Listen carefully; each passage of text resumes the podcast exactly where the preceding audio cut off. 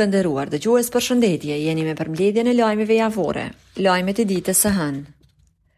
Ish-pjesëtari i Ushtrisë Çlirimtare të Kosovës Pjetër Shala është deklaruar i pafajshëm për të gjitha pikat e aktakuzës së zyrës së prokurorit të specializuar.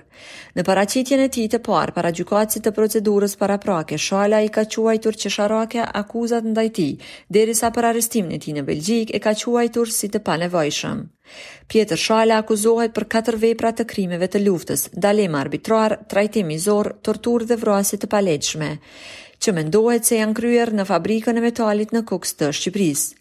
Gjatë periudhës shtatëmbëdhjetë maj të vitit një mijë e nëntëqind e nëntëdhjetë e nëntë deri më pesë qershor të atij viti. Pas 12 ditëve, qeveria e Kosovës e lejoi hapjen e gastronomisë dhe qendrave tregtare. Sipas përfaqësuesve të shoqatave të gastronomëve të Kosovës, këto masa nuk janë ideale, mirëpo presin që në mbledhjen e ardhshme të ketë hapje totale gjatë verës. Në anën tjetër, edhe menaxherët e qendrave tregtare thonë se bizneset e tyre nuk mund të përballojnë edhe një mbyllje tjetër. Sipas zyrtarëve qeveritarë, do të ketë sanksione të ashpra dhe mbyllje totale për lokalet e gastronomisë, të cilat nuk do t'i respektojnë këto masa nga ekzekutivi. Që nga e hëna nxënësit e ciklit të lartë u janë rikthyer bankave shkollore. Nxënësit janë shprehur se preferojnë më shumë mësimin fizikisht sesa atë online, derisa drejtuesit e shkollave janë shprehur se kanë bërë të gjitha përgatitjet. Megjithatë, në disa shkolla mësimi do vazhdojë të mbahet online. Presidenti francez Emmanuel Macron ka uruar presidenten e Republikës së Kosovës Vjosa Osmani për pozitën e saj në krye të vendit. Gjithashtu ka shprehur gatishmërinë se shteti francez është i gatshëm për ta mbështetur më tej Kosovën, duke theksuar avancimin e raporteve dypalëshe në të ardhmen. Presidenti francez ka thënë se mirëpret angazhimin e presidentes Osmani për forcimin e së drejtës dhe zhvillimin ekonomik të Kosovës.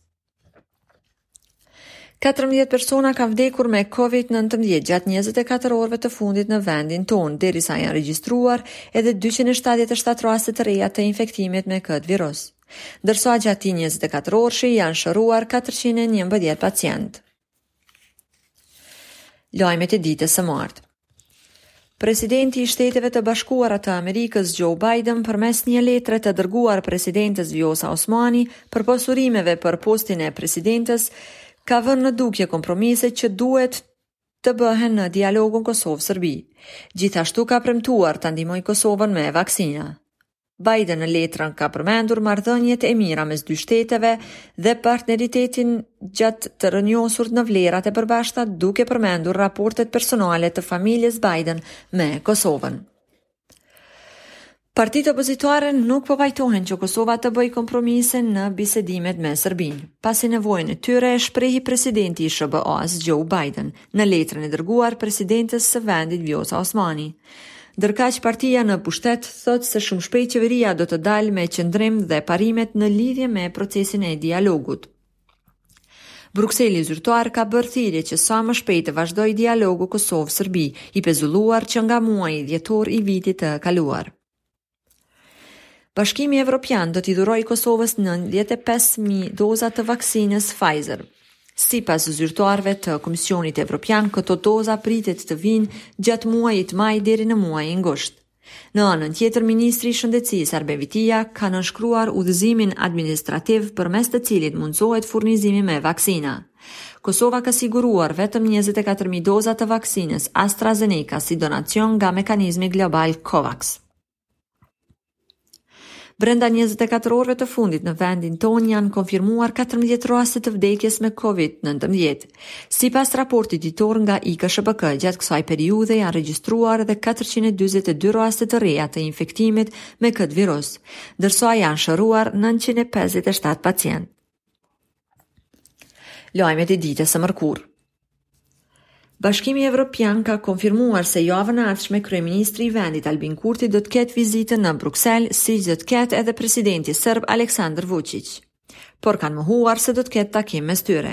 Njohësit e politikës së jashtme vlerësojnë se këto vizita të ndara i paraprijnë rifillimit të dialogut.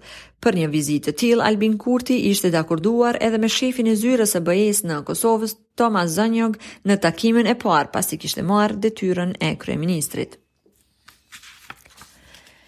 Qeveria e Kosovës ka ndarë rreth 20 milion euro për sektorët më të prekur nga pandemia COVID-19.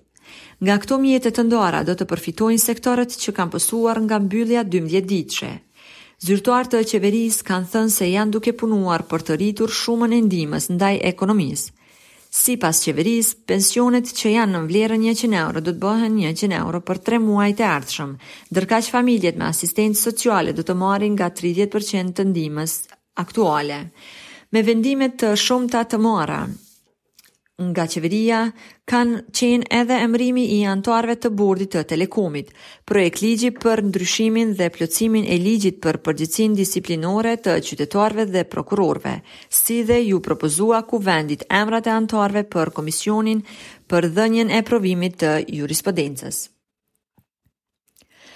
Mbrëmjen e së martës persona ende të panjohur kanë shkruar grafite fyese në murin e shtëpisë së deputetes Adelina Grainca.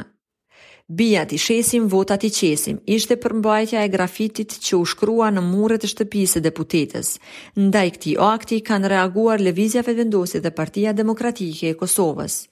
Me kalimin e Adelina Graincës në Lëvizjen Vetëvendosje, ish-partia e saj PDK po kërkon me ngulm që ta kthejë mandatin e deputetes. Gjatë njëzet e katër orëve të fundit në vendin tonë janë shënuar pesëqind e gjashtë raste të reja të infektimit me koronavirus. Sipas raportit të IKSHPK-së, pesë persona kanë humbë betejën me këtë virus, derisa janë shëruar shtatëqind e gjashtëdhjetë e një pacientë. Lajmet e ditës së enjte. Kryediplomati gjerman, Heiko Maas, ka deklaruar se njohja e Kosovës nga Serbia është njëra prej rezultateve të dialogut në mes të Kosovës dhe Serbisë, duke përfshirë këtu edhe kompromiset. Gjithashtu ka thënë se Gjermania do ta mbështesë liberalizimin e vizave për kosovarët, ndërsa dokumentin slloven për ridefinim të kufijve në Ballkanin Perëndimor e ka quajtur si të rrezikshëm dhe të parealizueshëm. Vendimi i qeverisë për uljen e shtesave të pensioneve nga 30 në 10 euro ka ngjallur reagime të shumta. Të pakënaqur janë shprehur edhe Federata Sindikale e Pensionistëve, ku kryetari i kësaj federate, Sulejman Meta, ka deklaruar se është vendim që e cilësojnë si të padrejtë. Meta po ashtu ka shtuar se do të bëjë ankesë tek institucionet dhe planifikojnë të organizojnë edhe protesta paqësore. Lidhur me vendimin e qeverisë për ndarjen e shtesave ka reaguar edhe sindikata e infermierëve, mamive dhe profesionistëve shënd të tjerë shëndetësorë. Nga kjo sindikatë nuk janë pajtuar me vendimin që kësaj kategorie t'i ndahen shtesat në shumën prej 100 euro.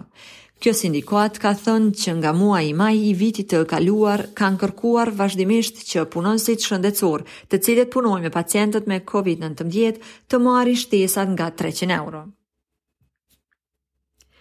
Anulimi i shtesave nga ekzekutivi ka ngjallur reagime edhe tek partitë opozitare, të cilat kanë bërë thirrje për anulimin e tij.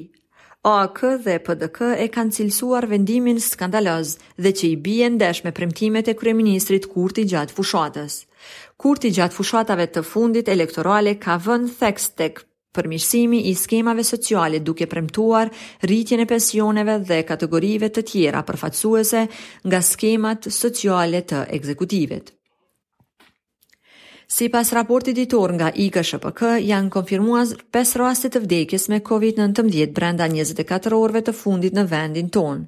Gjatë kësaj periudhe janë shënuar edhe 382 raste të reja të infektimit, ndërkaq janë shëruar 507 pacientë. Lajmet e ditës së premtë. Kanë nisur procedurat e shkarkimit të drejtorit të përgjithshëm të shërbimit korrektues të Kosovës Nehat Thaçi, pasi Ministria e Drejtësisë pretendon se është përfshirë në shkelje ligjore. Në një konferencë për media, ministri Albulina Haxhiu dhe zëvendësministri Blerim Sallahu, përveç akuzave ndaj Thaçit, kanë përmendur edhe emrin e ish-ministrit Selim Selimi. Këta të fundit këto akuza i kanë quajtur politike. Për rastin e ish-pjesëtarit të UÇK-së Pjetër Shala, zyra e prokurorit të specializuar ka deklaruar se do të mbështetet në 12 dëshmitarë. Sipas kësaj zyre, aktakuza mbështetet në 97 dokumente dhe 27 deklarata të të akuzuarit. Mbrojtja ka kërkuar që këto dokumente të bëhen të ditura sa më shpejt që të jetë e mundur. Ministri i Jashtëm i Gjermanisë, Heiko Maas, ka takuar krerët e institucioneve në Serbi. Në Beograd, Maas ka bërë thirrje për vazhdim të dialogut mes Kosovës dhe Serbisë. Pas një takimi me presidentin sërb Aleksandar Vučić, Maas ka thënë se është koha e duhur për ta rinisur dialogun mes dy shteteve. Në anën tjetër, Vuçiq ka thënë se Serbia është e gatshme të sigurojë paqe dhe stabilitet afatgjatë. Megjithatë, ka përsëritur se Serbia s'e njeh Kosovën shtet. Shqipëria pritet të mbajë zgjedhjet parlamentare të dielën. Gara kryesore po mbahet mes Partisë Socialiste të Edi Ramës dhe asaj Demokratike në krye me Lulzim Bashën. Ndryshe nga herët e tjera, në këto zgjedhje do të marrë pjesë edhe një parti nga Kosova me tre kandidatë për deputetë. Me gjithë thirrjet nga ndërkombëtarët, fushata u mbyll me incidente që përfunduan me vrasje. 8 persona kanë humbë betejën me COVID-19 brenda 24 orëve të fundit në vendin tonë, derisa janë regjistruar edhe 356 raste të reja të infektimit. Gjatë kësaj kohe janë shëruar 680 pacientë. Lajmet e ditës së shtunë. Procesi i dialogut Kosovë-Sërbi po kritikohet nga partitë opozitare sipas të cilave qeveria Kurti nuk ka plan e as ide për ta udhëhequr atë. PDK dhe AAK thonë se mungesa e strategjisë për dialogun është e dëmshme. Qeveria e Kosovës u është kundërpërgjigjur këtyre akuzave duke thënë se është lajm i mirë që dialogu nuk udhëhiqet kësaj radhe nga ata që sollën marrëveshje të dëmshme. Drejtori i Zyrës për Kosovën në Qeverinë e Serbisë Petër Petkoviq mëngjesin e së shtunës ka dorëzuar çelësat e dymbëdhjetë banesave për familjet serbe në Mitrovicën e Veriut. Petkoviq ka vizituar disa familje të cilat përfituan nga donacioni i kësaj zyreje. Ministria e Jashtme ka njoftuar se Petkoviq i është lejuar vizita dy ditore në Kosovë. Më shumë se 3 milion e 500 mijë qytetarë me të drejtë vote në Shqipëri të dielën do të kenë mundësi që të zgjedhin përfaqësuesit e tyre në Kuvendin e Shqipërisë. Zëdhënësja e KQZ-së së Shqipërisë Drilona Hoxhaj ka deklaruar se tashmë janë marrë të gjitha masat që procesi zgjedhor të shkojë mbarë. Gjatë 24 orëve të fundit në vendin tonë janë regjistruar 335 raste të reja të infektimit me COVID-19, derisa kanë humbë betejën me këtë virus 7 persona. Gjatë këtij 24 orëshi janë shëruar 484 pacientë. Lajmet e ditës së diel. Në Shqipëri janë mbajtur zgjedhjet parlamentare, procesi zgjedhor ka shkuar kryesisht mirë me disa incidente të vogla. Këto ishin zgjedhjet e dhjeta në Shqipëri që nga rënia e komunizmit, derisa dalja e qytetarëve ishte e kënaqshme, sipas KQZ-së. Sipas Exit Poll-it Partia Socialiste ka dalë fituese duke u pasuar nga Partia Demokratike dhe në fund LSI-ja. Kryeministri i Kosovës Albin Kurti ishte njëri ndër kosovarët që ka votuar në zgjedhjet parlamentare në Shqipëri. Votimi i Kurtit në Shqipëri është kritikuar nga opozita në vend, ku kreu i PDK-së e cilësoi si neglizhencë ndaj qytetarëve të Kosovës, pasi sipas tij Kosova është në situatë shumë të vështirë. Kritika mori edhe nga ish-ministri i Shëndetësisë Armend Zemaj. Ndërkaq për votimin e kryeministrit Kurti në Shqipëri është pyetur edhe kandidati për kryeministër Edi Rama, i cili nuk ka dashur të japë përgjigje. Ndërsa kryetari i Tiranës Erion Veliaj u shpreh se kur në Kosovë ka ndërhyrje nga jashtë në votime, njerëzit gëzohen apo thonë se nuk ka diçka që nuk shkon. Që la të kuptohet se votimi i Kurtit në Shqipëri nuk i pëlqeu. Procesin zgjedhor në Shqipëri e shoqëroi një incident që ndodhi gjatë ditës në sheshin kryesor të Tiranës, por fatmirësisht nuk pati të lënduar. Një person i cili në ndikimin e substancave narkotike, me veturën e tij, pasi ishte përplasur me tri vetura të tjera, hyri brenda sheshit Skënderbej në Tiranë, duke terrorizuar kështu qytetarët që ishin në këtë shesh. Atë arriti ta ndalojë një qytetar duke hyrë në xhamin e tij. Gjatë njëzet e katër orëve të fundit në vendin tonë katër persona kanë vdekur me Covid nëntëmbëdhjetë, derisa janë konfirmuar edhe dyqind e njëzet e shtatë raste të reja të infektimit me këtë virus. Ndërkaq brenda kësaj periudhe janë shëruar gjashtëqind e pesëmbëdhjetë pacientë. Të nderuar dëgjues, kaq kishim nga ngjarjet e javës që lamë pas. Mirëmbetshi.